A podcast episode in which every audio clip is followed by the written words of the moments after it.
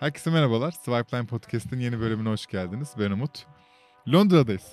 Ve Londra'da nasıl ki Amerika'da bir Amerika özel serisi yapmıştık ve harika isimleri ağırlamıştık. Aynısını yapacağız. Türkiye'nin en büyük başarı hikayelerinden biri. Şahsen ne zaman sebat deseler kelime olarak aklıma yemek sepeti ve sizin hikayeleriniz gelir. 10 yıldan daha fazla bir hikaye var senin özelinde. Nevzat Aydın'ın biraz daha fazla. Diğer ortakları tam emin değilim onu konuşuruz. Haliyle uzun ve bol öğrenimli bir bölüm olacak. Yeniden çok teşekkür ederiz e, geldiğin için. Başlamadan önce sadece sponsorlarımızı tabii ki yani bu e, güzel hikayenin sponsorları var. Öncelikle Otelze bizim konaklama sponsorumuz. Artık nereye gitsek onlarla beraberiz. Çünkü hakikaten eğer yurt dışına yurt dışına herhangi bir yere gidiyorsanız sizin en kolay şekilde herhangi bir otelde konaklamanızı sağlayacak platform orası. O yüzden kesinlikle öneriyorum. Açıklama kısmında var. E, ve bölümün sponsoru Midas. Eğer Midas'ı bilmiyorsanız hem Amerikan borsalarına hem de Türkiye borsalarına yatırım yapabiliyorsunuz. Güzel olan şey e, Türkiye borsalarında herhangi bir şey ödemiyorsunuz. E, ek masraf ödemiyorsunuz. Sadece çok düşük komisyonlarla yapıyorsunuz bunu. Amerikan borsalarında ise bir buçuk dolar gibi çok inanılmaz küçük bir hizmet bedeliyle birlikte bu işlemi yapabiliyorsunuz. Bence en güzeli haberler, bütün bu analitikler, grafikler, oradaki bilgiler ücretsiz. E, haliyle kendinizi geliştirmek için de bir finansal okuryazarlık öğrenmek için de e, Midas'a başvurabiliyorsunuz ve kullanabiliyorsunuz. Mutlaka gidin göz atın diyorum. Açıklama aşağıda. E, sohbetimize başlıyoruz. Bilgisayar mı okuyorsun? Boğaziçi bilgisayar. Orada olmak o yıllarda nasıl bir şey? Çünkü aslında yemek sepeti hikayesi de biraz Boğaziçi temeliyle başlıyor değil Kesinlikle mi? Kesinlikle öyle bir şey var. Bir kere Nevzat'la beraber aynı dönemde Boğaziçi Bilgisayar'dan mezun olduk. Ee, tabii Nevzat 93 girişli. Hı hı. Ben 95 girişliyim. Ben 93 Boğaziçi, doğdum. Boğaziçi Bilgisayar'a. Şöyle ben aslında ikinci tercihimdi Boğaziçi Bilgisayar. Birinci? Birinci tercihim endüstri mühendisliğiydi. Ee, böyle enteresan bir şey. O zaman en yüksek puan oydu. O yüzden onu istiyordum. Ama bilgisayar oldu ve ben aslında çok da mutlu oldum. Ee, yani sonrasında severek okudum. Hı hı. Ee, bilgisayar mühendisi aslında çok bana göre bir şeymiş. Oradaki yaratıcılık, hı hı. E, hakikaten dünyaları yaratabilme kabiliyeti parmakların arasında. Ya, güzel o, şey ya gerçekten evet, güzel o, bir o ve o vizyon yani hakikaten bir de hep bunu anlatırım ben. Bizden önce yani 94-95'ten önce bilgisayar mühendisi okuyan insanlar daha mecburen daha hardware'e biraz daha yani normal client server ya da kapalı devre yani desktop yazılımlara yönelmek zorunda kaldılar. Hem dünyada hem Türkiye'de. Doğru. 94-95 ile beraber dünyada World Wide Web başlayınca bizim neslin şöyle bir avantajı var biz gerçekten okuldaki bilgisayar laboratuvarında ya da evdeki bilgisayarlarda internete bağlanabilir hale geldik. Hı hı. Yani biz daha birinci, ikinci sınıfta bu işin internetten yapılabilir ve network üzerinden yapılabilecek şeylerle ilgili hayal kurmaya başladık. Hı hı. İşte Amazon Amerika'da kuruldu, başka bir sürü şirket kuruldu ama bahsettiğimiz dönem pre-Google dönem. Ha, yani doğru. 98'de Google kuruldu. Yani Apple daha comeback yapmamış. Hı hı. İşte smartphone yok. Herkes Yahoo kullanıyor, Alta Vista kullanıyor vesaire. Türkiye'de daha içerik yok gibi bir şey. Hı hı. Ama o bağlanabilme ve işte ben hiç unutmuyorum 96-97'de liseden Amerika'ya, Avusturya'ya gitmiş arkadaşlarımla beraber biz ICQ kullanıyorduk. Hı hı. ICQ senin neslin belki Biliyorum. okumuştur. Biliyorum evet. Ee, yani işte WhatsApp'ın o zamanki desktop versiyonu ki bu o, o jenerasyon yani o peer to peer konuşma hikayesinin ilklerindendir. Hı hı inanılır gibi değildi yani. Biz instant can, canlı, eş zamanlı bir Avusturya'da, bir Amerika'da lise arkadaşlarım 95-96'dan başlıyoruz. Canlı chat yapıyorduk. Yani çok acayip bir şeydi. Ve tabii o vizyonla beraber biz hayal kurmaya başladık. Yani o hayal kurabilme çok önemli bir şey. Ya Sen ben biliyordun yani kendi işini ve yeni bir şey yapacağını internette. Evet, biliyordum değil ama benim en büyük hayalim gerçekten yani 96-97'den itibaren e, internetten bir startup kurmaktı. Hmm. Yani bir bir dotcom kurmaktı. Hatta biz 97 ya 98'de 3. sınıfta galiba bir software engineering dersimiz vardı. Hı Biletix'in o zaman yoktu Biletix. Yaptığı şeyi aslında bir prototip olarak yaptık. Bunu bir proje olarak yaptık. 5 5 öğrenci, 5 arkadaş ve o zaman AFM'ye götürdük bunu. AFM nedir? O zamanki Türkiye'deki bir e, sinema Şirket zinciri. Mi? Sinema zinciri. Sinema zinciri. Dedik ki size internetten bilet satalım. Evet. Dedik. Ne diyorsunuz dediler. Biz de ki teşekkür ederiz. İşte sonra kös kös geri döndük ya. tabii. Sonra ben 99'da bitirme projemi böyle üç boyutlu perde ve mobilyalar üzerine kumaş giydirmeli bir grafik tasarım üzerine. Hı-hı. Grafik tasarım değil. bir computer graphics üzerine bir bitirme şeyi yaptım. Hı hı. Onu Bursalı bir tekstil firmasına sattık. Aa. Evet. Öğrenciler Ya olarak. öğrenci ben sattım. Benim Ha, benim bitirme senin- benim bitirme şeyimde onu onu sattık. Yani böyle bir iki ufak deneme oldu orada. Hı hı. Ee, ama hayalim gerçekten büyük bir şey yapmaktı. Sonra bitirdik okulu. İşte Nevzat Amerika'ya gitti. Herkes bir yerlere gitti falan tabii. Boğaziçi bilgisayar mezunusun. Hı hı. Bir de ben iyi de bitirdim okulu. Hı hı. Ee, dereceyle falan filan. Özgüven, aşırı özgüven var. Ee, ama kimse girişimcilik diye bir şey Türkiye'de zaten yok. Ekosistem zaten yok. Ekonomi işte yüzde yetmiş e, enflasyon. Evet. Her zamanki Doğru. Tabii. Bak şu an biz böyle aynı paternle Tabii. gidiyoruz gibi değil mi? evet. Evet. 2001 kriziyle şu an. Hani Aynen o öyle. süper Evet. enflasyonun Evet. oldu, hiperenflasyonun oldu vesaire. Şimdi anlatacağım zaten. Ee, ve o zaman yani ben kimle konuştuysam etrafında büyük vesaire kimse bana şey demedi. Yani girişimci ol işte gel böyle bir şey yapalım falan öyle bir şey yok. Yani herkes bana diyordu ki git büyük bir şirkete gir. Nasıl iş yapılır öğren. Ee, hatta uluslararası bir şirkete gir. Hı hı. Ben de çok az işe başvurdum. Citibank'a işe girdim. Türkiye ofisine. Türkiye Citibank'ta e, hatta hazinede işe hazinede işe girdim. Kurumsal hazinede. Ama yazılım yani şey olarak e, işte MT olarak girdim. Hı hı. Ama e, açıkçası hazineye yazılım geliştiriyordum. Aa, tamam. Evet. Bir sene kaldım. E, işte o dönem Nevzat Amerika'ya gitti. O da MBA yapıyordu. O da internet ortamına falan yakın olmak için oralara gitti. E, işte yazışıyoruz vesaire. Ben hakikaten otururken şeyde Biz arkadaşsınız ünite- biz üniversitede. arkadaşız tabii beraber Evet, mezun olduk. Hatta bizim ortak şeyimiz daha çok bölümden değil bizim BÜSAS dalış kulübündendir. çok zaman geçirdik dalış kulübünde Anladım. beraber. Sonra bir sonraki bizim mezuniyetten bir sonraki mezunlar gününde. Boğaziçi mezunlar gününde işte benim zaten o ara böyle arayışım var. Yani ben şey Citibank'ta yapasın çalışıyorum ama devamlı kaşınıyorum. Ha, tabii ki. Hatta Ali Karaali benim patron yani hazinenin başındaki adam. Hı hı. Ee, ona devamlı şey yapıyordum. Ali abi bak burada bunu yapmışlar. Hı. Burada bunu yapmışlar. Falan. O da diyordu ki otur işini yap diyordu. Bayağı falan. 24-25 falan yaşındasın değil mi? Herhalde. 24. 24. 23 hatta yani 19'da girdim 23'te çıktım. Çünkü hazırlık mazlık okumadım üniversitede. Aha. 23'te çıktım. İşte İlk işin bu. Tabii ilk işim Ve bu. sen İle bir, gidip ile- patrona diyorsun ki abi böyle böyle Evet. bir şey. evet. ya çok garip bir şey işte bu ya. Konuşuyorduk falan. O dedi ki zamanı gelir boş ver acele etme falan filan. Ama ve Türkiye'de tabii 99'dan bahsediyoruz. Türkiye'de ilk bugün adını bildiğimiz hatta yani 2010-15'li yıllara damgasını vuran şirketlerin ufak ufak oyuncularının sahaya çıkmaya başladığı dönemler bunlar. Hı hı. Yani bunlar kimler var?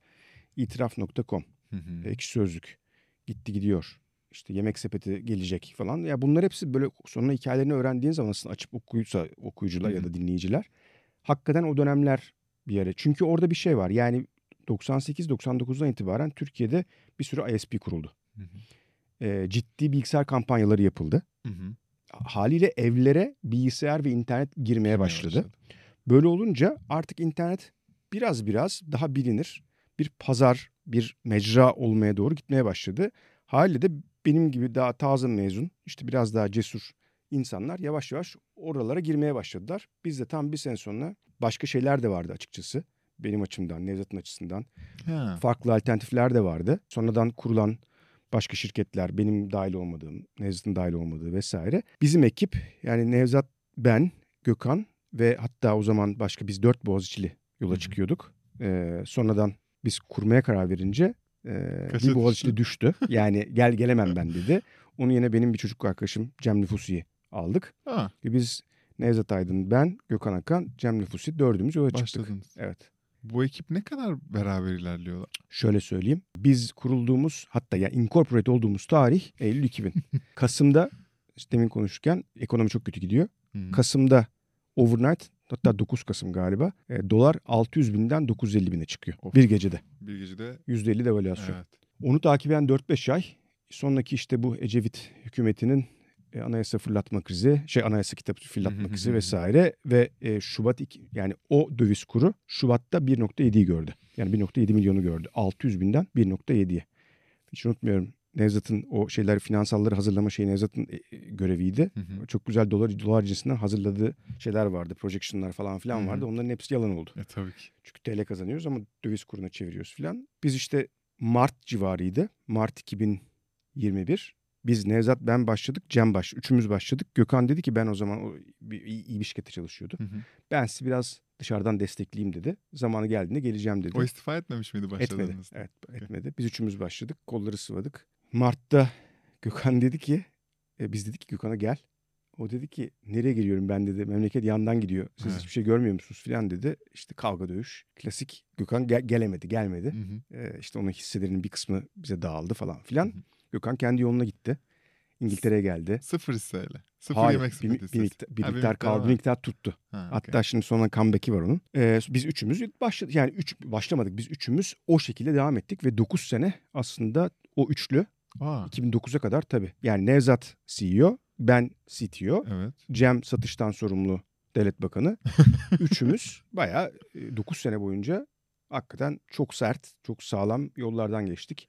İlk 5 senemiz işte break-even'a gider, gelen yol falan filan. Ben 2005'te askere gittim falan filan. Orayı şey sormak isterim abi. İlk günden beri para kazanan bir iş mi bu? Şöyle. Bizim iş modeli o zamanki modelde şimdi de çok fark yok ama bugün galiba restoranlardan listeleme ücreti alıyor emin değilim.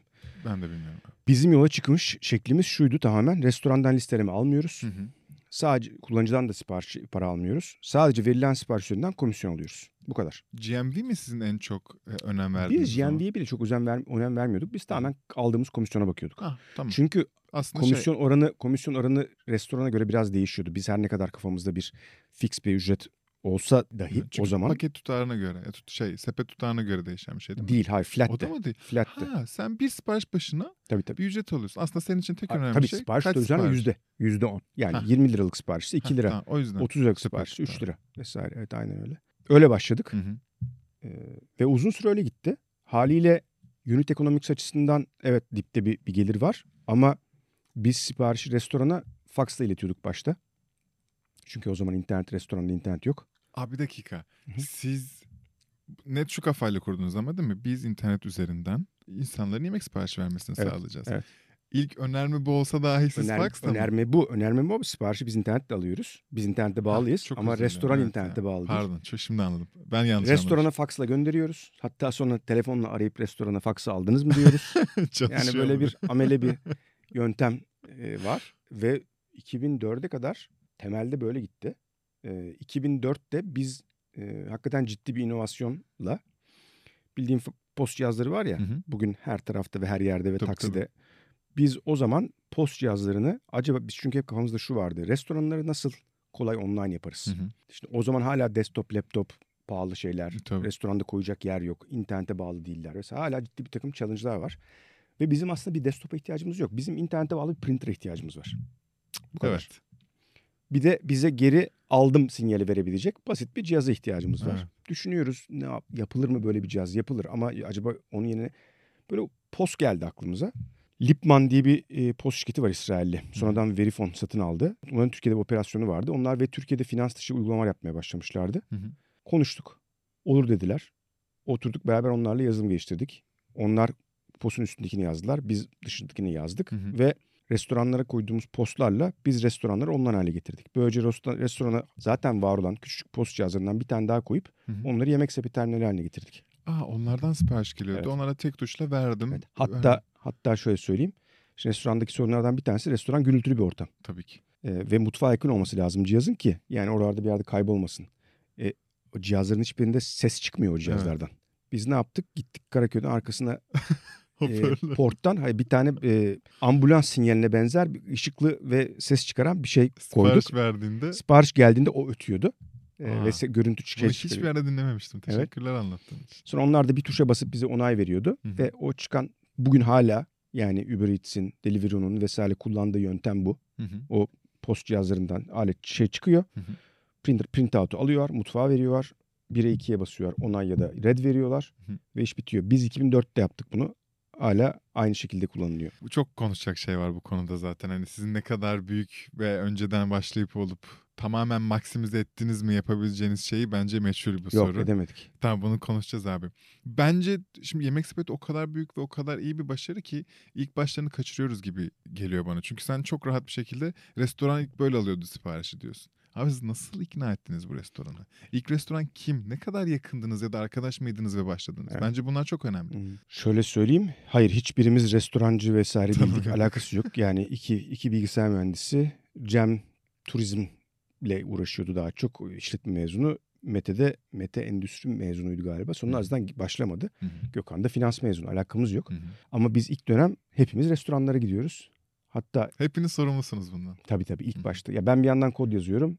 İşte Nevzat yardım ediyor, bir şeyler bana yardım ediyor. Hepimiz restoranlara gidiyoruz. Kardeşim bizim için randevu alıyor. Çok iyi. Ee, hiç unutmuyorum. Ve ilk, ilk üç restoranın bir tanesi Park Burger Etiler. Bir tanesi bir tane mantıcı Etiler Mantı galiba. Bir de üçüncü vardı. İlk üç restoranımız bunlar. Etiler çevresi. Etiler çevresi çünkü Bildiğiniz yer okul falan gibi, gibi okul okul Etiler'de. Biz ofisi de Etiler'de açtık. Hı. Benim evim Akatlar'daydı zaten. Yürüyerek bisikletle gidiyordum ofise. Nevzat da orada oturuyordu. Hı. Ee, yani biz hiç oralardan çıkmak istemedik ve haliyle bu iş zaten küçük lokal neighborhood'lardan başlayacağını zaten artık strateji olarak belirlemiştik ve Hı. mantıklı da sonradan aslında bütün marketplace'ler de böyle büyüdü. Aynen öyle. Biz de öyle büyüdük ve en mikro şeyde ölçekte hakikaten Etiler, Beşiktaş, Maslak, Levent şeyinde üçgeninde e, büyüdük biz ve oralarda başladık. E, biraz restoranlara gidiyorduk böyle anlatıyorduk. Diyorduk ki bir şey kaybetmeyeceksiniz. Biz size siz bildiğiniz gibi yemeğinizi yapıp göndereceksiniz.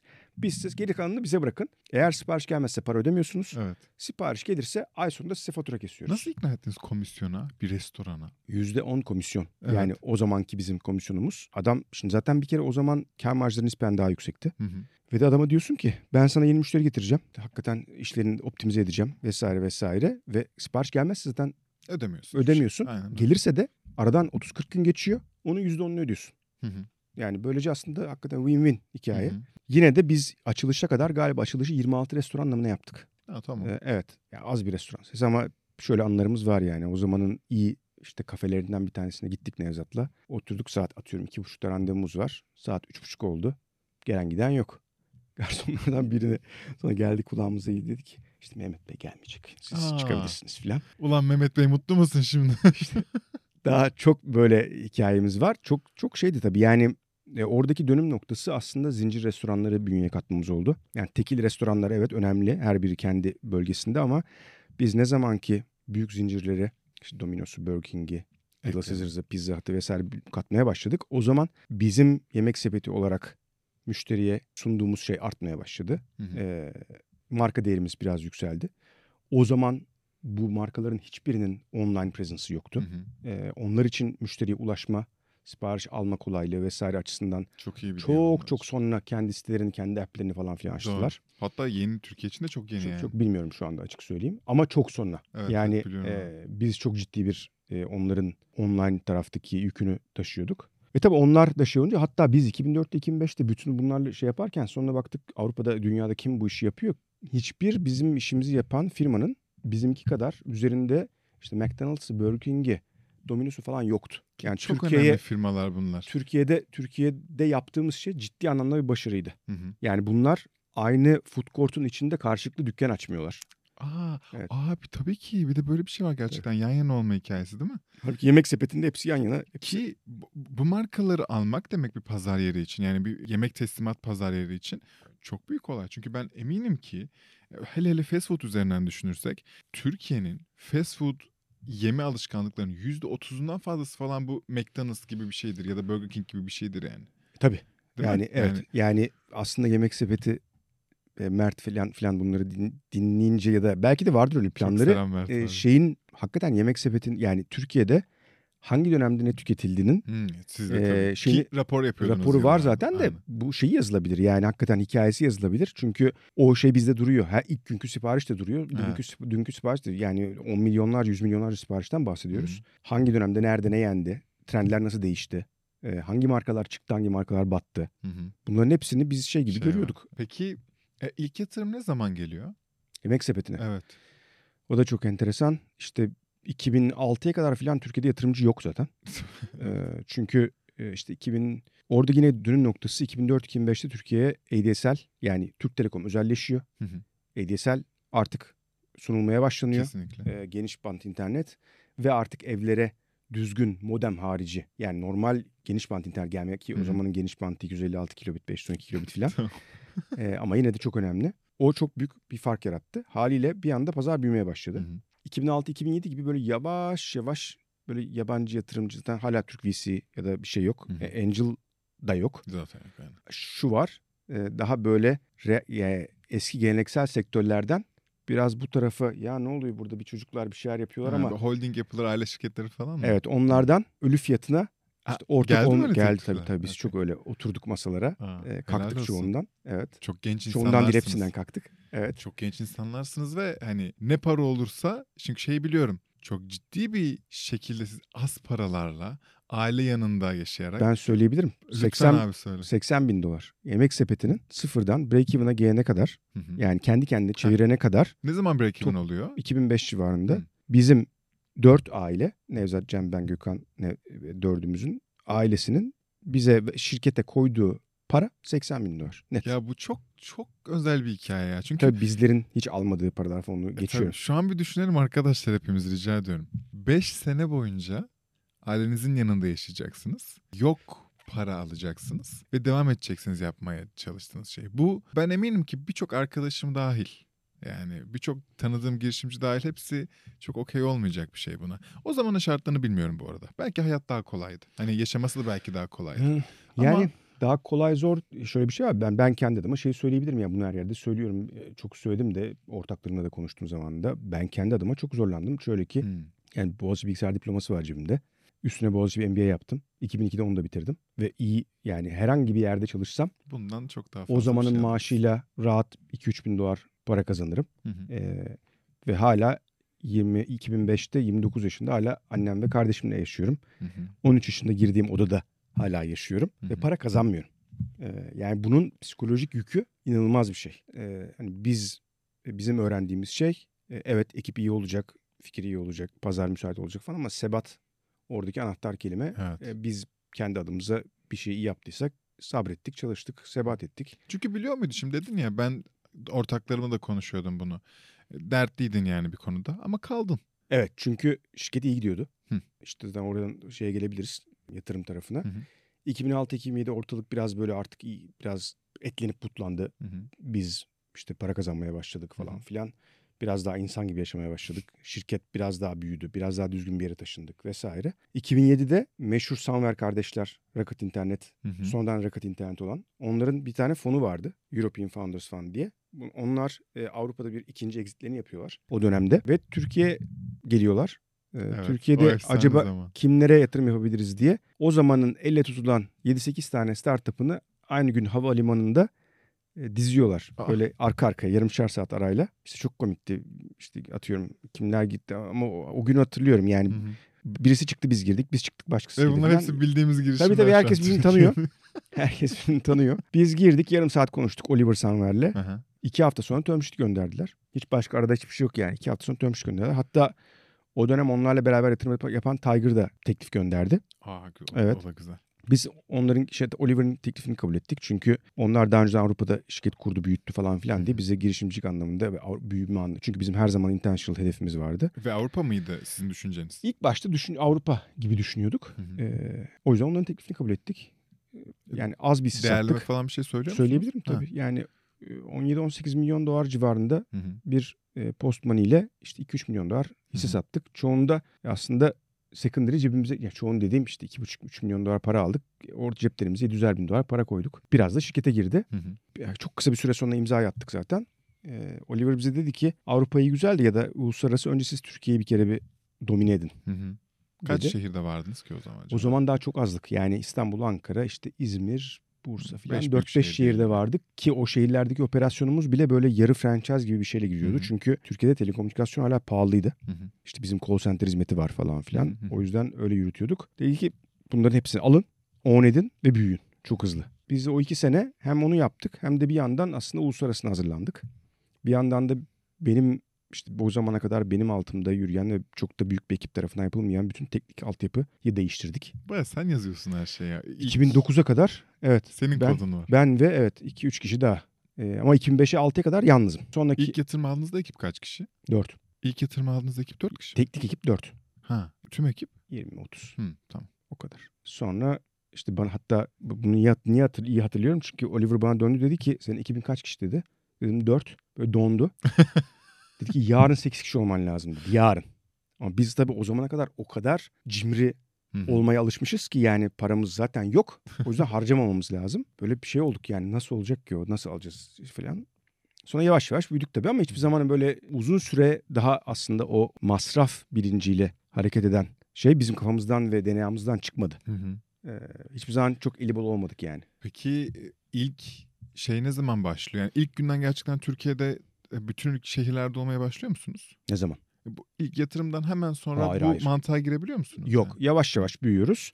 Ama 2010 falan geldiğinde e, yani 2010 2010 2011 bayağı bir 15-20 şehre falan gelmiştik diye hatırlıyorum. Hı hı. Benim eski sunumlarda var onların şeyleri. E, Yemek sepeti zaten verir. Belki beslersiniz altta görsellerle falan. 2012'de Gen Atlantic geldiğinde Hı hı. esas büyük yatırım Evet. ve o zaman O artık zaman mesela duyurmadınız diye hatırlıyorum şey. neyi Rakamlı da değerlemeyi de değil mi? Değil mi? Ben mi yanlış hatırlıyorum? Ya biliniyor diye biliyorum. Ha, belki ben yanlış hatırlıyorum. biliniyor diye evet. biliyorum. Yani 100 Onlara milyon- bakmadım çalışırken Evet. buna. Değerlemelere bakmadım. Çok şey yani. değil. 2012'de yani artık o zaman Türkiye'de ekosistemde vardı. Hatta bizim yatırımı da tetikleyen önemli bir şey gitti gidiyorun exit'iydi. Evet. Yani 2011 ya da 12'de işte gitti gidiyor eBay'e satıldı 200 küsür milyon dolara. Hı hı. O bizim jenerasyonun ilk exit'iydi. Ee, Burak, Serkan, e, bütün ortakların ekibi birbirimizi iyi tanıyorduk. Hı hı. E, hatta GBA'nın kuruluşu da o dönem. Hı hı. İşte Sinalar yavaş yavaş topa girmişler. Türkiye'de şey em, bu flash sale hikayeleri Hı hı. yürüyor. Trendyol ya kuruldu ya kurulmak üzereydi. Marka Kurulmuştu. Evet çünkü Demet bizde staj yaptı Yemek Sepeti'nde Yemek 2011 ya da 12'de. Ben böyle bir hikaye duydum evet. Evet. Ya biz de orada işte iyi yani işte Yemek Sepeti'nin hakikaten e, belli başlı oyunculardan biri olduğu önden bahsediyoruz. C'ye yatırıma geldiğinde biz zaten Rusya'ya girmiştik. Emirates'e girmiştik. E, Arap Emirlikleri'ne ve büyüyorduk. Bir dakika. Arada 5 sene var. 4. Siz ara bir yatırım almıyorsunuz.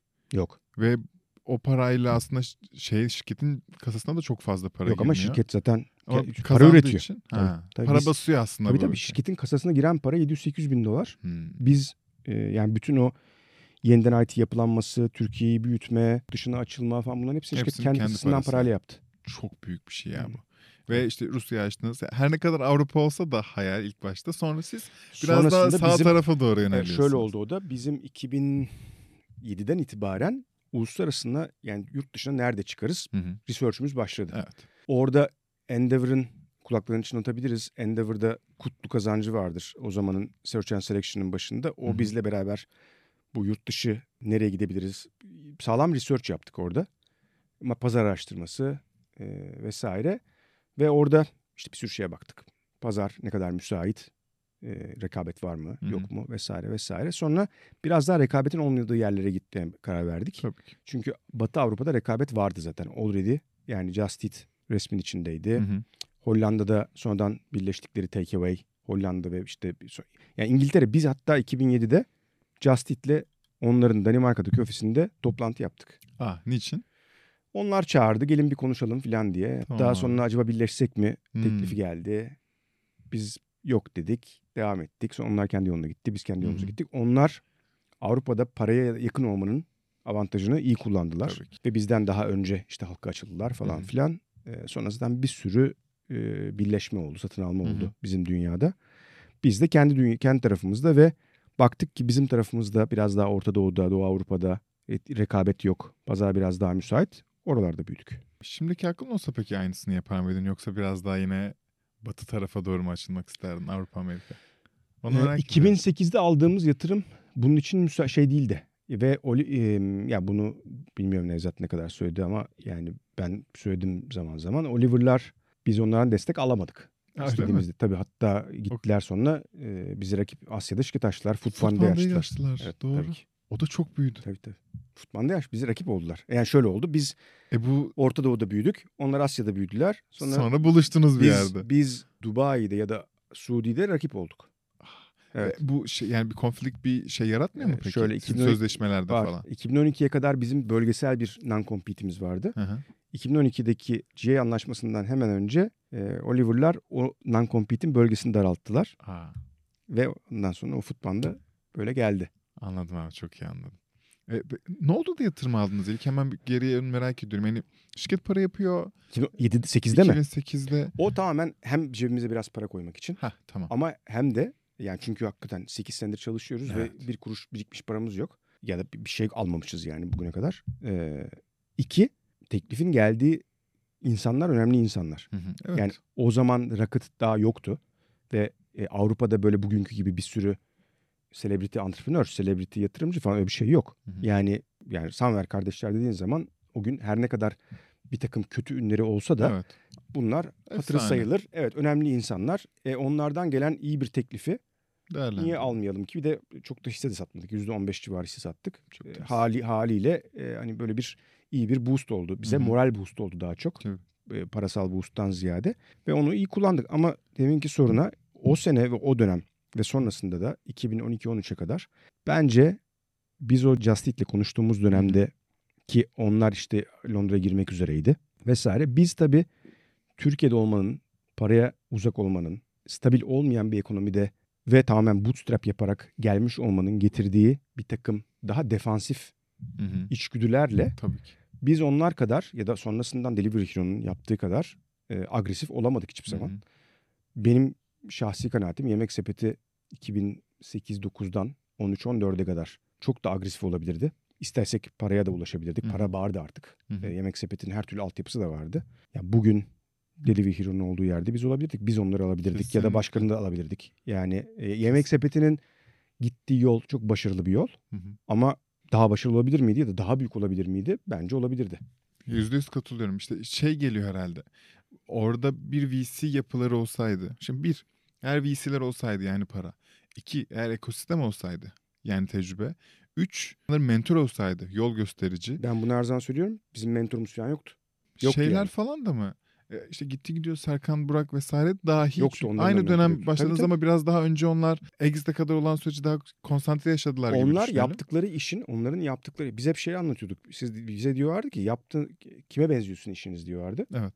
Biz diyorduk ki kimseye benzemiyor çünkü biz birilerine bakarak yapmadık bu işi. Evet. Olmayan bir şey yaptınız aslında ya zaten Yani dünyada. ç- internetten gıda göndermekle ilgili ilk işi biz yapmadık tabii ki. Hı hı. Yani San Francisco'da, Amerika'da vesaire benzer işler vardı ama Hı. bizim yaptığımız ticari şartlarla bizim bölgede vesaire bu işleri ilk biz yaptık. Uzun sürede yalnız yaptık Hı hı. zaten. Gitti gidiyorun şöyle bir farkı vardı. Onlar eBay'in yaptığının neredeyse aynısını yaptılar. Ama tabii işin içine biraz daha işte Türkiye'nin güvensiz finansal ortamını yumuşatmak için garanti ödeme falan gibi böyle Hı bir hı. takım inovatif şeyler. Nasıl biz işte Lipman'la şey yaptık. Hı hı. Onlar da finansal da tarafta öyle. Bugün fintech denen bir sürü hikaye yaptılar. Hı hı. Ee, ve o sayede aslında Türkiye gibi ya biz Nevzat'la yani yürümez bu iş falan diyorduk. Yani gitti gidiyor için. Ah, Hakikaten öyle. Ben, ben söylerim, söylerim yani. Ee, ama o acayip onlar da sebat ettiler. Orada tabii. çok ciddi e, bence işi oldurmak için yaratıcı şeyler yaptılar. Ve tabii o zaman da eBay hakikaten büyürken o zaman da eBay bugünkü gibi değil. Yani eBay en büyük O gün evet, olay. yani Aynen öyle. Amazon, Amazon sonradan yok. geldi aynen Evet. öyle. O zamanın eBay'i çok önemli. Ee, yani eBay gitti gidiyor aldığı zaman büyük olaydı. Ve Türkiye'de 2011'de 200 milyon dolarlık exit'ten bahsediyoruz. Çok büyük hikaye. Ha, acaba Serkan Burak işte gitti gidiyor kapandı geçtiğimiz çok yakın zamanda. Üzülmüşler Evet, midir yani? Üzüldüler biliyorum. Değil mi? Evet. Çok yani senin gibi bir hikaye sahipler onlar da. Tabii. Ne kadar Tabii ki, tabii sebat ki. edilmiş Tabii uzun ki. zamanlar var vesaire. Kapatılsa gerçekten üzülürdüm. Neyse. Yani ben inşallah öyle bir şey görmeyiz ama yani İnşallah. bundan 8-9 sene sonra yemek sepeti kapanırsa çok üzülürüm. E, tabii ki Bir şey olmaz herhalde. Yanlış hatırlamıyorsam sonradan gelen ortağınız Cem Hı. 2019'da ayrılıyor. Yok. E, 2009'da ayrılıyor. Çok üzerine 19 demişim. Doğru. Çok çok sonralara geldi. Doğru. Bu sen de varsın hala o zamanlar. Bir şey etkiliyor mu? Çünkü yine yanlış hatırlamıyorsam satıştan ve şeyden sorumlu değil mi Cem? Evet. Neyi etkiliyor? Gidişi herhangi bir şey etkiliyor musun için? Çünkü Şöyle hep ortakların bir gidip geldiği bir yemek sepeti hikayesi var ya her zaman. Yani var var. tabii. Ortaklar hep e, ya anlaşamıyorlar ya başka fırsatlar doğuyor. Aralarında kötü veya iyi şekilde ayrılıp geri gelebiliyorlar ki yine yanlış hatırlamıyorsam Gökhan da sonra dahil oluyor geri. Doğru, Bunun doğru. ikisini de bir anlatsana Tabii, bize. tabii. 2007 ya da 8 işte yatırım 8'de yatırımı aldık biz. O aralar bir kere o 7-8 sene hepimiz çok yorulduk. E, tabii ki. Yani e, Anormal bir efordan bahsediyoruz maddi zaten. manevi çok yorulduk. Biz Nevzat'la daha yani işte hem aldığımız eğitim gereği hem kafa yapısı hırslıyız. Büyütmek istiyoruz falan. Anlaşı yani çok şey e, ne denir ona? Yan yana gerçekten iyi kimyanız olan iki iş ortak mısınız? Şöyle ikimiz de bilgisayar mühendisiyiz. Hı hı. İkimiz de oldukça böyle sert kişiliğe sahip insanlarız. Haliyle çok iyi işler de çıkardık beraber. Çok kavga da ettik. E tabii ki. Evet. Yani ama şirketin önceliklerini kendi önceliklerimizin önüne koymayı çok Hı hı. iyi becerdik çok uzun süre ve produktif olmayı becerdik. Hı hı. O sayede zaten Yemek Sepeti hem hayatta kaldı hem de çok uzun süre aslında çok inovatif, yenilikçi bir şirket olarak Kesinlikle öyle. bir sürü başka startup'a e, rol model oldu. Hı hı. Cem de bizi çok iyi tamamlıyordu. E, şöyle ki yani ne Nevzat ne ben Cem'in yaptığı restoranlarla gidip birebir görüşme. İşte o restoran e, yüzlerce binlerce restorandan bahsediyoruz. Hı. Türkiye'nin bir sürü yerinden bahsediyoruz. Bunun içinde bir her türlü demografik yapı var. Cem çok daha insan ilişkileri bizden çok daha iyi olan Hı. bir adamdı. Yani ben bilgisayar karşısında olmaktan daha mutluydum. Hı. Nevzat daha arada ama yani biz ikimiz de işte bilgisayar mühendisliği okumuş. Biraz da hakikaten dünyada ne olup bitiyoryu kovalayan adamlarız. Cem biraz daha ayakları yere basan, daha ayakları Türkiye'ye uygun Hı hı. bir adam. İyi tamamladık Çok birbirimizi. önemli bir Evet, çok şey- önemli. Aynen öyle. Biz yapamazdık Cem'in yaptığını. E, haliyle bizi 7-8 sene çok iyi tamamladı. Sonra biraz yoruldu. Biraz yeni bir yer yani yeni bir yolculuğa çıkmak istedi. Tamam. Ee, ve bize 2008'de dedi ki ben gidiyorum. Nereye gidiyorsun dedik. Bilmiyorum dedi. Gideceğim. Sadece Aa. gideceğim. Ee, işte nereye yani hakikaten dolaşacağım uzun bir süre. Vesaire. Biz dedik ki hemen gidemezsin. ee, işte bir, bir sene falan daha kal. Arada bakarız. Böyle yavaş yavaş Cem işten soğumaya başladı falan Hmm. böyle E, yavaş tabii yavaş. Ve bir sene sonra artık gidiyorum dedi. 2008 ya da 9'du galiba. Biz ilk profesyonel C-level e, profesyonelimizi o zaman aldık. Koran Erçin.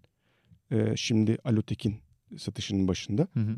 Cem'in yerine Koran bize katıldı. Ve ilk C-level şeyimiz odur. Koran'dır. İşte. Cem gitti. Cem'in yerine Koran geldi. Aralarında ciddi bir böyle handover oldu. Hı hı. Çok profesyonel ve Cem'le Cem'in hisseleri şirkette kaldı 9 sene sonra. Yani normal yani öyle bir satarak falan çıkmadı. Aa, Tabii e, hisseleri şirkette kaldı. Ta sonra işte biraz Gökhan geldiğinde biraz da o zaman o dönem bir melek yatırımcı küçük kişi roundumuz olmuştu 2011'de. Biraz da orada sattı ama Cem final exitini bizle beraber 2015'te yaptı. Biz 2015'te aslında kurucu 4 ortağın iki- %40'tan fazla hissesiyle sattık. aa, Şirkete, tabii. Çok çok iyiymiş kalması bırakması. Evet. Ve o, zamana kadar beklemesi. Bu- Bunu bilmiyordum mesela. Sonra da aradan bir sene geçti 2010. Biz Gökhan'la her zaman konuşuyorduk. Gökhan'ın az bir hissesi vardı şirkette. Nerede çalışıyor o Gökhan o zaman? Londra'daydı. Bir hedge fund'da çalışıyordu. Hmm. Arada konuşuyoruz filan. O zaman da bizim bir CFO'ya ihtiyacımız var. E artık düşündük Nevzat'ta Gökhan yapar yapamaz ya da konuştuk Gökhan'la. İster misin? O da dönmek istiyor Türkiye'ye. Onun da evli ve kızları birinci kızı doğmuştu. Hı hı. Konuştuk oldu. Geldi. 2011'de Gökhan CFO'muz olarak biraz Cem'den hisse aldı. Hı hı. Yani hissesini biraz daha makul bir Hı yere hı. çekti. Cem de biraz exit etmiş oldu hafif. Ya herkes mutlu. Ee, biz yine üç ortak olduk Hı hı. işin başında. O sefer de artık Melih, Nevzat, Gökhan üçlüsünün e, dönemi başladı 2013'e kadar. İşte sonra 2012'de o kadro bu şeyin de gitti gidiyorun exit'i, trend yol. Yani Türkiye artık böyle bir bir şey olmaya başladı Hı hı. Türkiye'de. Bir arzu nesnesi de olmaya başlamıştır eminim o Evet zaman. e, haliyle bize artık e, şeyler gelmeye başladı. Yani ciddi yatırım teklifleri gelmeye başladı. Hı hı. İşte 2012'de GA'in yatırımıyla finallenen İlk size mi yatırım yapıyordu General Atlantic Türkiye'de? Atlantic Türkiye'de bildiğim kadarıyla hala başka bir yatırım yok yanılmıyorsam. Ha öyle mi? Ama ilk ben ilk olduğuna kesin- eminim de acaba daha fazla biziz. var mı? Ben de hatırlayamıyorum. Bildiğim kadarıyla bizden sonra olmadı. Hatta çok istedikleri firmalar vardı. İsim Hmm. veremem ama Tabii ki. çok büyük isimleri kovaladılar. Hı hı. Ee, ama olmadı. Ve önemli bir yatırımdı biz e, Türkiye için, bizim için. Ve işte dediğim gibi o yatırım ola bence çok da agresif gidilebilirdi. Hı hı. Çünkü dünyada artık yaptığımız iş, alan, piyasa nerelere gidilebilir artık çok iyi biliniyordu. Kesinlikle. Yani Biraz daha oturmuştu evet, artık şey. oturmuştu herkes. Ve zaten ondan sonraki o 2012 ile 2016-2017 arasında çok anormal hareketli bir sektörden bahsediyoruz. Hı hı. Yani Amerika'daki işte Grubhub, Seamless, Avrupa'da Just Eat, Takeaway, Asya'da Foodpanda, işte sonradan kurulan Uber Eats, Uber işe Hı hı. girdi. Deliveroo, Deliveroo. vesaire, vesaire. burada büyük Böyle olay. bir sürü oyuncu çıktı.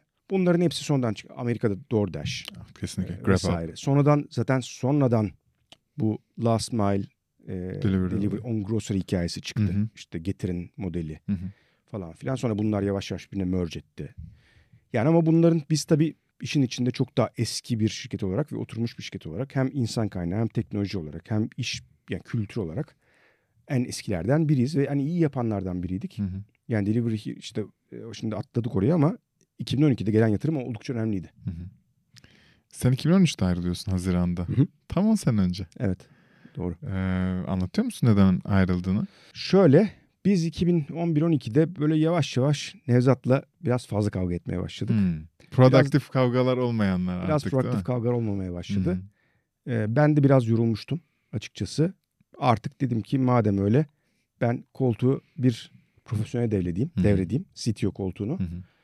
Ee, bir de yemek sepetinin CTO'su olmak gerçekten çok zor bir şey. Tabii ki. Ee, çünkü Hep bir challenge var hayatında. bugünkü gibi bir de şöyle düşünmek lazım. Bugünkü gibi işte cloud'un olduğu, coinat servisi al hı. gibi olduğu filan bir dönem değil. Her şeyi kendimizin yaptığı bir dönemden bahsediyoruz. Yani benim bakmadığım herhangi bir alan yoktu. Hı hı. Yani öyle ben normal bir yönetici falan değil olamadım pek. Yani kodda yazdım, hardware'de şey yaptım, server'da aldık. Hı hı. Kolumuz koltuğumuzun altında e, makinede döşedik. Security ile de uğraştım, network ile de uğraştım. Bir de bunu hem Türkiye'deki hem de dünyada bizim işi yapan ya da başka işleri yapan bir sürü firmadan farklı olarak 7x24 yapmaya çalıştık. Hı hı. Bir de call center var şirketin yemek, işte yemek sepetinin içinde. Yani hem fizikselde canlı olacak 7-24 call center'da adam çalışacak. Onlar her zaman online olacaklar. Her an sipariş alacağız, restorana ileteceğiz. Ve bunlar hiç kesilmeyecek. Asla. Mümkün değil ya bu böyle bir şey bu arada. Ya yüzde yüz çalışması mümkün olan bir makine değil bence bu. Yani hiçbir makine %100 çalışmaz. Ama e, bizim mesela en büyük challenge'larımız ofis taşımaktı. Çünkü yani düşünsene ofisi taşımak zorundasın ama down olacaksın. Yani Evet. o zaman cloud ya da böyle şey yok ki. Yani hakikaten e, servisi kesmen lazım. evet. Biz mecburen ne yapıyorduk? Yeni ofisi açıyorduk. Orada ayağa kaldırıyorduk. Sonra oradan karşılıyorduk siparişleri. Bu tarafı kapatıp gidiyorduk falan Anladım. böyle. Ve biz bunu 2000 ben benim son taşınmam 2012. Ne sonra onlar Tekfen'deki yeni, yeni yere taşındılar. Orada ben artık yoktum. Büyük eforlar. Hı hı. Ee, haliyle ben yoruldum. İlişki biraz yoruldu ve artık orada ben dedim ki iyi bir ben ben dedim ki o zaman kendi yerimi kendim e, halefimi kendim bulacağım. Hı hı. Bülent Akır'ı gitti gidiyor oradan Hı hı. transfer ettik. Ee, Bülent'e ciddi 5-6 aylık bir zaten tanıyordum ben Bülent'i piyasadan. Bizim sektörün hakikaten en iyi in- şeylerinden yetişmiş insanlarından biridir ve tecrübeli. Bülent'e 5-6 aylık bir böyle devir teslimi yaptıktan sonra gönlüm rahat. Aslında özgür. Evet.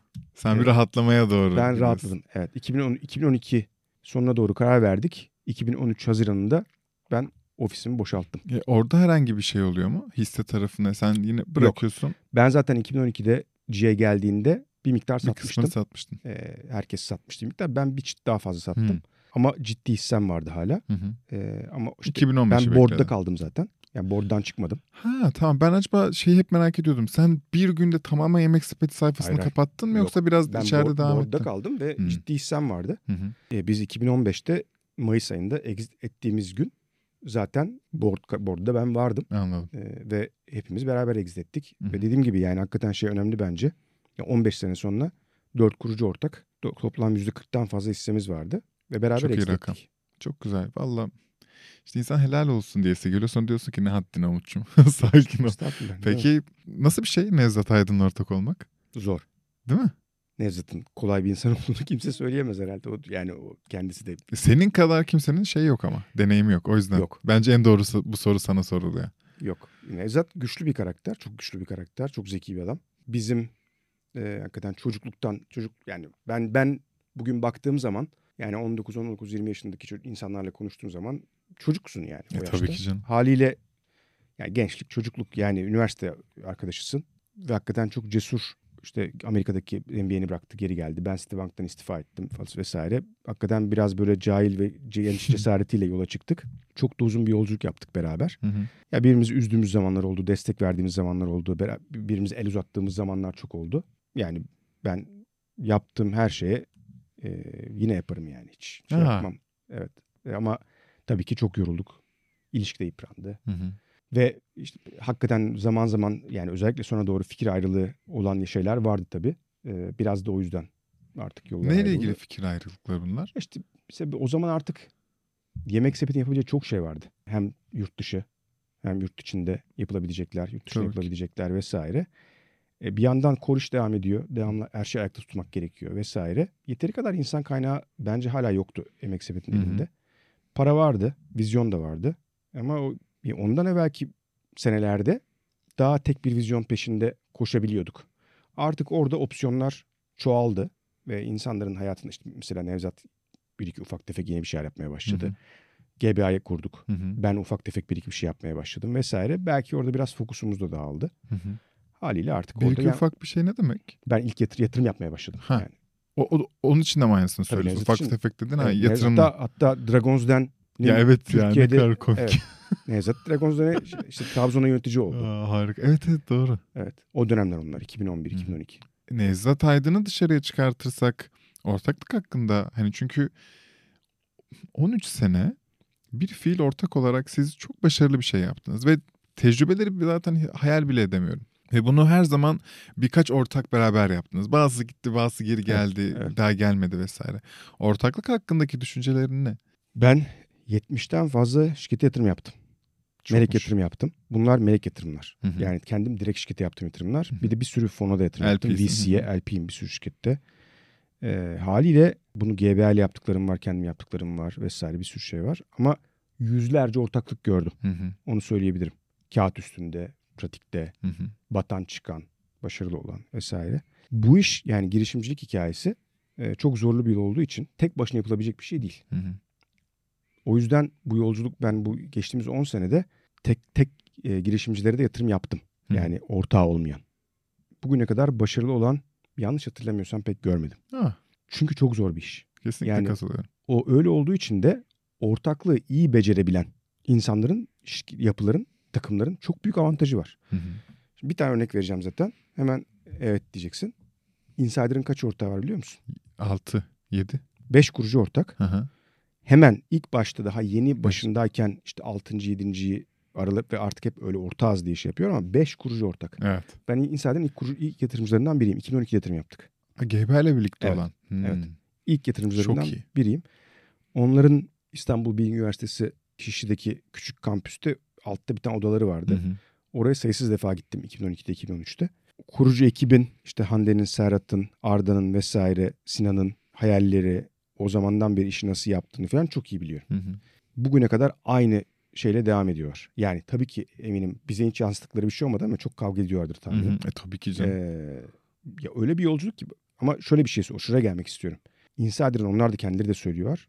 Kültür, takım, e, hırslı yapı vesaire bugüne gelmenin arkasındaki en büyük şey. Hı hı. E, Yoksa yaptıkları iş kimsenin yapmadığı falan bir şey tabii, değil. kesinlikle. E, ama işte beş kişi olmanın getirdiği avantaj ve beş kişi anlaşan ve birbirini tamamlayan ortak. Hı hı. Yani biz de işte dört yola çıktık, üç olduk. Sonunda Gökhan tekrar geldi, dört vesaire. Hatta böyle arada küçük küçük bizim böyle giren çıkan küçük ortaklar falan oldu. 2007'den itibaren bize melek yatırım gibi giren küçük adını çok söylemediğimiz ama bize sonraki dönemlerde yardımcı olan Hı. o küçük ortaklarımız da oldu. E, bunların hepsinin avantajı var. Yani biz 2015'te artık böyle 2015'e giden yolda masaya oturduğumuz zaman ortaklık yapısı olarak ve içeride doğru düz VC yok. Yani hı. Oliver'lar var ama yoklar. Hı, evet, yani aslında. yoklar yani. Biz o, o yüzden düşünürsen e, 2012'de G'ye gelene kadar Yemek Sepeti'nin boardunda doğrusu yatır- yatırımcı yok. Hı hı. Yani biz bizeyiz. Bu iyi bir şey mi kötü bir şey mi? İyi bir İnsan... şey değil. Değil mi? Değil. iyi bir şey değil. E, ama olmadığı için yokuz. Hı hı. Yani e, yoksa mesela 2012'den itibaren bizim düzgün functional bir board'umuz vardı. Yani Hı hı. GA'den bir iki kişi bir de biz Fadi Gandur vardır meşhur Aramex'in kurucusu Endeavor sayesinde tanışmıştık. Bilmiyorum. Meşhur yani Bakayım. Orta Doğu'da şeydir böyle e, Orta Doğu'nun Steve Jobs gibi bir adam. Allah Allah. Evet Aramex'in kurucusu çünkü. acaba. Fadi, Yazdım Fadi'ye de biz rica ettik. Dedik ki bizim board'a girer misin? Dedik ki küçük de bir hisse al. Hı hı. Verdik ona 500 bin dolar karşılığı bir de küçük hisse. Güzel. ve ortak oldu. Ve 3 senede bizle beraber board'a şey yaptı. Yani Hı o zaman 2012'den itibaren bizim böyle bayağı düzgün bir board'umuz vardı. Hı hı. C-level yöneticilerin zaten işte Barış pazarlamaya geldi. Kıvılcım HR'a geldi. Ee, bir sürü insan aldık. Ee, o dönem ciddi bir şeyimiz vardı. Artık bir global oyuncu seviyesi var evet, gerçekten. yani. Ama bence yine de işte zaten şeye baktığın zaman Yemek Sepeti'nin exit hikayesine baktığın zaman 2009'da kurulan Almanya'da lokal bir oyuncu olarak kurulan Ringdienst sonradan Hı hı. Delivery Hero oluyor. Hı hı. 2011'de lokal büyümeye, international olmaya karar veriyorlar ama paraya o kadar yakınlar. yak- Sadece yakın olmak değil tabii. iyi raise ediyorlar. Hı hı. Çok hızlılar. Acayip bir M&A makinesi. Hı hı. 2011'den 2015'e kadar bizi satın aldıklarında yanılmıyorsam ya şirket değeri 4 milyar euro civarındaydı. 2 milyar euro civarında para etmişlerdi. Yani 4 senede şirketin yarısı zaten Başka- borç para. Aynen öyle. Bizim bizimle alakası yok. Yani biz sadece tek bildiğimiz şey organik büyüme. Hı hı. İşte o zamana kadar biz galiba bir iki tane e, satın almaya Yunanistan'da bir şirket satın almıştık. Hı hı. Bir de Orta Doğu'da galiba böyle bir şeyler yapıyorduk. Nevzat daha hakim o taraflara. Hı hı. Ama yani bizim en iyi bildiğimiz şey hala kendimiz yapalım, kendimiz yapalım. Sanırım hepimizde bu var ya ve çok iyi bir şey değil. Hele bulunduğumuz Değil. durumda. Orada demin konuştuğumuz şey bizim daha erkenden bize biraz daha mentorluk yapabilecek, bizi biraz daha Kesinlikle. ittirebilecek, bu işleri görmüş bilen bir VC ya da PE vesaire neyse içeride olsaydı mentor Hı hı. belki hakikaten bu fırsatları daha iyi yakalayabilirdik diye düşünüyorum. Görüşüyor musunuz Nevzat Aydın'la? Az. Okey. Sadece merak ettim. Ama zaten ben bir merak. 7 senedir buradayım. Yani Hı hı. 6,5 senedir. Nevzat orada. E, zaten 2 sene öncesine kadar şirkette devam etti. Evet ya. Evet, İnanılmaz gerçekten. O, o da garip bir hikaye. Neyse. Şeyi merak ediyorum. Her şeye sahipsin artık abi. Yani para, tecrübe, network. Şimdi memleket farklı memleketlisin. Belki buradaki ekosistemi de biraz inceleme fırsatın olmuştur. Yani farklı bir aksiyon anlayışı da görmüş oldun. Ama bir şey yapmadın. Hı. Yani bu bir travma mı? Ee, artık o çok ağır bir dönemin ve işte o gitgelli ortaklıkların bir travması mı? Yoksa yok keyfim çok yerinde ve bir daha neden böyle bir derde gireyim ki gibi bir şey mi? Yok orada çok gidip geliyorum. Hmm. Bu çok şey bir soru yani benim için çok kilit bir soru bu. Kesinlikle. Ya ben 2013'te Colt'çiyi yani odayı bıraktığım zaman Hı hı. ne yapacağımı bilmiyordum zaten açık söyleyeyim. Çünkü e, hem çok ciddi bir karar hem çok yorgundum filan. E, bir iki sene zaten dinlenme kararım vardı. Aynen öyle. Hatta 2014'te ben Güney Amerika'ya gittim. 3 ay dolaştım tek başıma. Çok güzelmiş. Evet hep hayalimdi. E, onu yaptım. Sonra 2015 filan gibi artık böyle yeni ne yaparım filan diye böyle kaşınmaya başladım. Hmm. Yavaş yavaş bakıyordum filan. Sonra Türkiye'de işler iyi gitmemeye başladı. Yani aslında benim Türkiye ile ilgili kırgınlığım, e, negatif düşüncelerim vesaire çok net söyleyeyim geziyle başladı. Yani geziden önce de vardı ama Birçoğumuz. gezi, gezide gezide biraz bu işler böyle hakikaten çirkinleşti. Kesinlikle. Sonra 2015 hatırlarsan işte bombalar patladı, iki tane seçim, kur fırladı falan filan. Bizim exit oldu. Şanslı bir dönemde oldu exit. Hı Kur fırlamamıştı. Aynen tam şeyden önce. Evet, tam iki seçim. 2016'dan iki seçim, evet, önce, 2010 E sonra Darbe 2016'da öncesi. 2016'da darbe. Hal ve benim ben 2015'te evlendim. Hı. 2016'da kızım oldu. Nisan'da doğdu. Temmuz'da darbe oldu. Ve sen hala İstanbul'dasın. Ben hala İstanbul'dayım. Hı. Hatta şöyle bir şey söyleyeyim. Ben yeme içmeye çok meraklıyım. Yani yemek sepeti işte yemek konu olunca bize hep şey diyorlar. İşi anlamayanlar. Aa yemek işte ne yapıyorsunuz filan diye. Biz de diyor ki yemek yapmıyoruz biz Hı. e, filan. E, ben ama severdim mutfağa girmeyi. Hala severim. Yani hı. yapıyorum da. Böyle hep hayalimdi. Böyle bir, bir yerim olsun. Bir şeyler yapayım falan filan. Benim yeme içmede olan bir arkadaşımla beraber biz 2016 darbe civarında tarih olarak ben Arnavutköy'de bir yer açıyorduk biz. Gerçekten mi? Evet. Baya mekan açıyor. Arnavutköy'de mekan açıyorduk. Aynen öyle. Çok garip. Evet. Yeri bulduk. Kira kontratı sözleşme gidip geliyordu. Hı hı. Ben Bodrum'dayım. Darbe oldu. E, Ben dedim ki Ben gidiyorum. ben yapmıyorum ve çünkü işte kızım ufacık iki buçuk aylık falan filan böyle bilmiyorum çok ben çok negatif etkilendim. E, Tabii ki. Bir sürü insanın olduğu gibi. Dedim ki yani 15 senedir burada bir şeyler yapmaya çalışıyoruz. Bu kadar böyle acayip acayip şeylerin olduğu Hı hı. e, bir ortamda daha fazla baş ağrısı çekmek istemiyorum diye düşündüm. Madem de bir de şirkette exit etmiş. Zaten rahat Bağlayıcı bir şey bağlayıcı yok bir şeyim burada. yok. O önemli bir şey tabii. Çok Evet, önemli bir şey. öyle. Ee, o yüzden dedik ki bir deneyelim yurt dışını. Ve bir araştırma şeyinin sonunda İngiltere'ye geldik. Hoş Ama geldin. işte senin soruna geri dönersek. Ve 10 yıldır hala bir şey yapmadın. Evet. O, o biz buraya geldik. Buraya yerleşme hikayesi falan filan. Yeni bir ekosistem. Yani benim yurt dışına çıkma isteğim aslında biraz da yani işin profesyonel tarafı. Yani o işin biraz daha ülke, Hı hı. e, güvenli ortam vesaire bir sürü hikaye. Diğer bir taraftan ama. Diğer taraftan da biraz böyle yemek sepeti kurucusu artık etiketini biraz ben çıkarmak istiyordum. Hı hı. Yani çünkü o hem iyi bir şey hem biraz lanet. Ne tabii ki. Çünkü senin bir sonraki adımının hep arkadan gelen bir şey var. Yani onu sıfırlamak bunu Amerika'da vadide çok yapan adamlar var. Hı hı. Yani işte Elon Musk hepimiz, hepimizin şeyi yani o adam normal değil bizim Tabii standartlara göre ama ya da İsrail'de de çok iyi yapanlar var. Yani seri girişimciler gerçek anlamda seri girişi. Yani hakikaten biri yapıyor ya da ya var çok isim var. Reid Hoffman var filan. Ee, ekosistem işi bunlar. Hı hı. Yani ek- tek başına yapılabilecek böyle bunlar şey Süpermen hikayeleri değil. Evet biz orada Süpermenler görüyoruz. Ama arkalarında bu adamların aynı işleri arka arka yaptıkları, onları finanse eden VC'ler. Aynı takımlar spin-off oluyor, Hı hı. devam ediyor vesaire. Biz Yemek Sepeti'nde ben kendi adıma onu, onu beceremedim. Hı hı. Yani ben Yemek Sepeti'nden tek başıma ayrıldım. Ekip sonra bir kısmı, kısmını içeri kaldı. Herkes individüel hareket etti. Hı hı. Haliyle biz şirketten böyle bir bir takım olarak ayrılıp ya da bitirip exit edip başka bir şey yapamadık. İşte ben buraya geldim, Gökhan buraya geldi. Nevzat devam etti vesaire. Bir de tabii uzun da bir yolculuk. Çok yorucu da bir yolculuk. O başka bir şeye evrilen ekip olamadık. Hı hı. Haliyle ben de buraya geldim. Burada yeni bir şeyler yapar mıyım diye şey yaparken Covid oldu. Evet. Biraz da tabii şey de var. Yani çocuk kızlarım oldu. O, o biraz daha rahat hayata da alışıyorsun. Ama hala benim içimde Var mı? acaba Ateş. daha bir şey yapar mıyım diye düşünüyorum. Gençsin. kırka- yok 46 yaşındayım. Ee, yanılmıyorsam işte Amerika'daki böyle çok başarılı olmuş girişimcinin ortalama yaşına bakıyorlar. 42 falan çıkıyor Aynen ama öyle. Hiçbir şey için geç değil. o Amerika'dakiler. Tutmayın kendinizi. Gözünü seveyim. Valla benim Başarılı bir yatırımcı buluyor musun kendini bilmiyorum. Bu çokça yatırım yaptın ki yani Başarılı insider bile tek başına. başarılı yatırımcı mıyım bilmiyorum. Bunu tarih söyleyecek bence. Evet. Yani işte insider bir gün yani insider'a ortak olmuş olmak benim için hem keyif hem de evet çok ciddi bir değer Yüzde kaçına yarattılar. sahipsin? Ha Söyle- söylemiyor musun? Pardon özür dilerim. Ama ama fena değil. Fena değil. Yani bir gün exit Bir yemek olursa sepeti daha yapacağım diyorsun. yok. Bir yemek Bir o kadar olabilir bu daha arada. değil mi? Bir o kadar daha şey yapabilirsin olabilir, aynı oranda. mümkün. Çünkü insider çok iyi gidiyor. Aynen öyle. Yani Yani biz, şimdi 2 milyar dolara yakın bir... biz 600'den exit yaptık. Onlar 2'ye geldiler. Hı hı. Ki daha gidiyorlar yani. Daha yolları var. Tabii Ee, kesinlikle. İçeride inanılmaz yatırımcıları var. Hı hı. Ya onlar bizden avantajlı olarak bir kere bizden benim işte 10 sene sonra kuruldukları 12 sene sonra kuruldular. Artık 1 2 nesil 2 nesil sonra mı bilmiyorum artık. Onun Sanırım- ne demek lazım bilmiyorum. Bana bazen bir nesil gibi geliyor bazen Ee, iki geliyor ama, ama tabii- diyeceğim. İşte dakika bir bir kere melek yatırımcılarla yola çıktılar. Hı hı. E, melek yatırımcı kadrosunun içinde Fıratlar var. Ben varım. Bir sürü insan var içeride. Hı hı. E, Emre var. Emre Hı Kurttepeli. hı.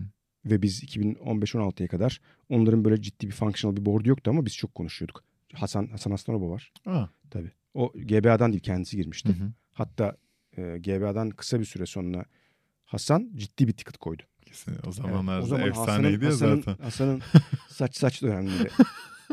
e, önemli bir ticket koydu. Tabii canım. Em, Sağ olsun ya bence hepimize bence hepimize derken biraz da sizi Şu- kastediyorum. Sizin Şöyle söyleyeyim Hasan'ın Hasan'ın ders verdi yani. pre-VC yani Türkiye'de VC'ler daha etlenip butlanmadan önce o dönemde çok ciddi bir boşluk doldurma şeyi var. Tabii ki. Ee, Kaç demişti kendi söylüyordu. 50 mi diyordu? Öyle Öyle bir bir şey. şey, yatırdı bir şey yani. var. Çok Evet. kısa bir sürede bu tabii, arada. tabii. 2010 2012 ile 2015-16 Evet arası. öyle bir şey. Evet. Umarım hayat daha güzel olur senin için. Sağ. Umarım istediklerini yaparsın. Çok teşekkürler. Gelip bu kadar güzel anlattığın için her şeyi şeffafça. Ee, çok değerli bir şey bizim için. Sağ ol. Size de başarılar dilerim. Evet, teşekkürler. Arkadaşlar bitmesin istiyoruz ama bazen bitiyor. Çok teşekkürler izlediğiniz için. Mutlaka şu aşağıdaki çan var ya size haber veren biz video yüklediğimizde. Mutlaka ona tıklayın. Çok teşekkür ederiz. Bizleri desteklediğiniz ve izlediğiniz için. Böyle güzel seriler devam edecek. Bir sonraki bölümde görüşürüz.